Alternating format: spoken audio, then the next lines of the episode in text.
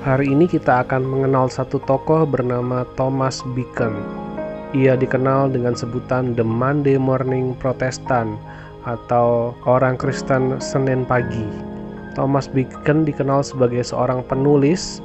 Ia banyak menulis buku saku, ia banyak membuat poster dan pamflet tentang kekristenan dan bagaimana kehidupan orang Kristen dan ia dikenal sebagai seorang pendeta yang saleh di abad ke-16, yaitu selama masa reformasi.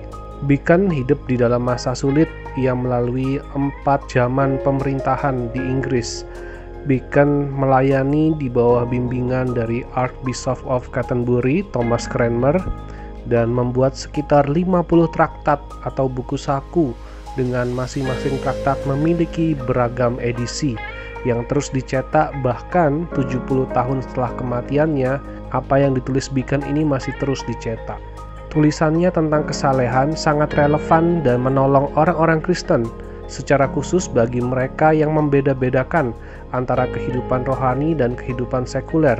Beacon menyatakan bahwa seharusnya tidak ada pemisahan antara kehidupan rohani dan sekuler. Setiap orang Kristen seharusnya hidup saleh dalam keseluruhan hidupnya dalam rutinitas sehari-hari. Thomas Beacon lahir di Thetford, Norfolk, sekitar tahun 1512. Ia dididik di St. John College di Cambridge, di mana ia mengenal dan akhirnya menjadi seorang Lutheran di bawah pengaruh dari seorang profesor yang mengajarnya, yaitu Profesor Hugh Latimer. Setelah lulus dengan gelar teologi, Beacon melayani di dua gereja di selatan Inggris. Tetapi ketika itu Raja Henry ke-8 mengeluarkan peraturan yang bertujuan untuk menyaring pengajaran yang tidak sesuai dengan ajaran gereja Katolik. Akhirnya pada tahun 1541 Beacon ditangkap karena dianggap sebagai pengajar sesat atau pengajar doktrin yang salah. Setelah bebas, Beacon hidup berusaha tidak mencolok. Ia hidup di pinggiran kota Canterbury. Ia dilindungi oleh beberapa orang kolega kerajaan yang juga secara diam-diam menjadi Protestan.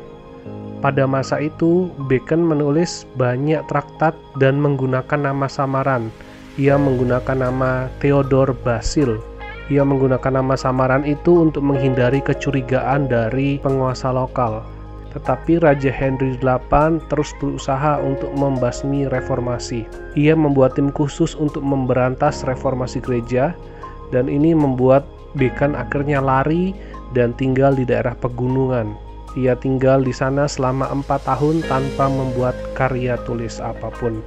Ketika Edward VI, anak dari Raja Henry VIII yang baru berusia 9 tahun, naik tahta di tahun 1547, Beacon mengambil kesempatan ini untuk kembali ke London dan ia langsung ditunjuk sebagai pendeta untuk keluarga kerajaan. Di saat yang bersamaan, ia ditunjuk juga untuk menjadi seorang rektor di sebuah sekolah ternama di London, yaitu Saint Stephen Walbrook. Tidak lama Edward VI memerintah, Ratu Mary I naik tahta. Mary memerintah dengan kejam dan banyak penginjil termasuk Bacon ditangkap. Tidak lama ia dipenjara, ia segera dilepaskan, tetapi Bacon tidak mau ambil resiko. Bacon meninggalkan Inggris dan tinggal di Starsbrook di Perancis, di mana ia bersama dengan pengungsi Inggris lainnya tinggal dan membentuk komunitas pemberita Injil di sana. Dan dari Starsbrook, ia kemudian pindah ke Frankfurt, Jerman, di mana ia membantu menyusun liturgi untuk gereja-gereja orang Inggris pembuangan Bacon akhirnya kembali ke Inggris setelah Ratu Elizabeth I berkuasa. Bacon kemudian banyak membuat dan memimpin pertemuan-pertemuan gerejawi. Kebanyakan dilaksanakan di London dan sampai akhir hidupnya pada tahun 1567 ia terus berkarya baik melalui tulisan maupun dalam menyusun liturgi dan ibadah-ibadah gereja. Fokus utama Bacon dalam karya-karya singkatnya adalah bagaimana orang Kristen dapat mencapai kesalehan dan bagaimana kesalehan itu terpancar dalam keseharian orang Kristen. Pertama adalah firman Allah. Bacon mengatakan bahwa firman Allah adalah cukup bagi orang Kristen. firman Allah adalah sumber untuk kehidupan yang saleh dan dasar bagi kehidupan umat Allah. Di Alkitab kita bahkan bisa menjumpai palungan yang sederhana, tetapi di situlah kita mengenal Allah, mengerti janjinya, menghormatinya dengan benar, dan berjalan di dalam kekudusannya.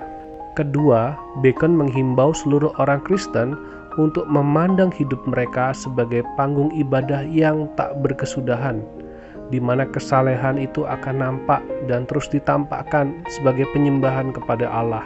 Bahkan di hari biasa, di Senin pagi, hidup kita berada di panggung untuk menyembah Tuhan.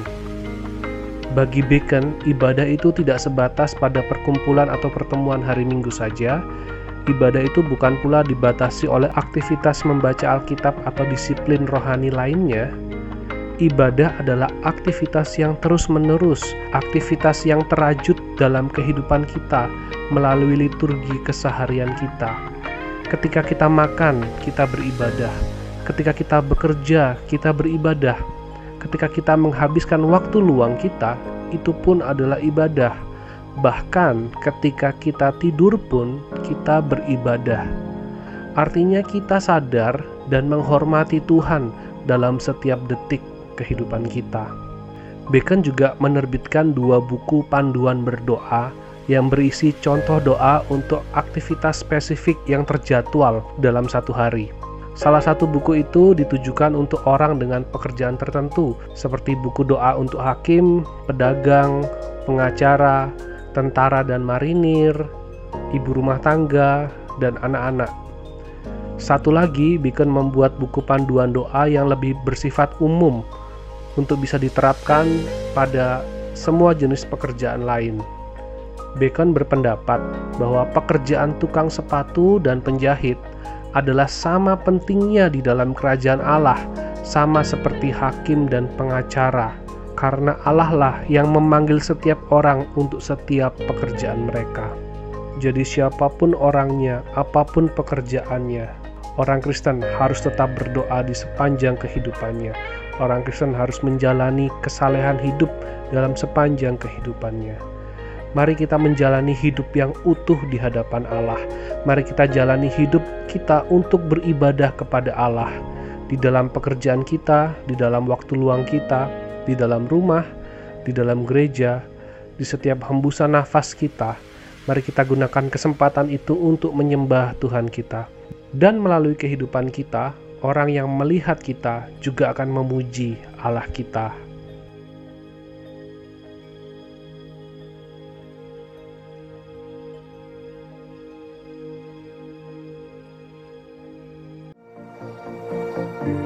Terima kasih buat kamu yang sudah mendengarkan podcast ini sampai akhir.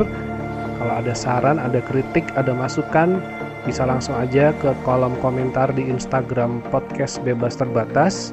Kalau kalian ada pertanyaan mengenai iman Kristen, mengenai Alkitab, atau dukungan doa, bisa aja langsung DM di Instagram podcast bebas terbatas. Tuhan Yesus memberkati.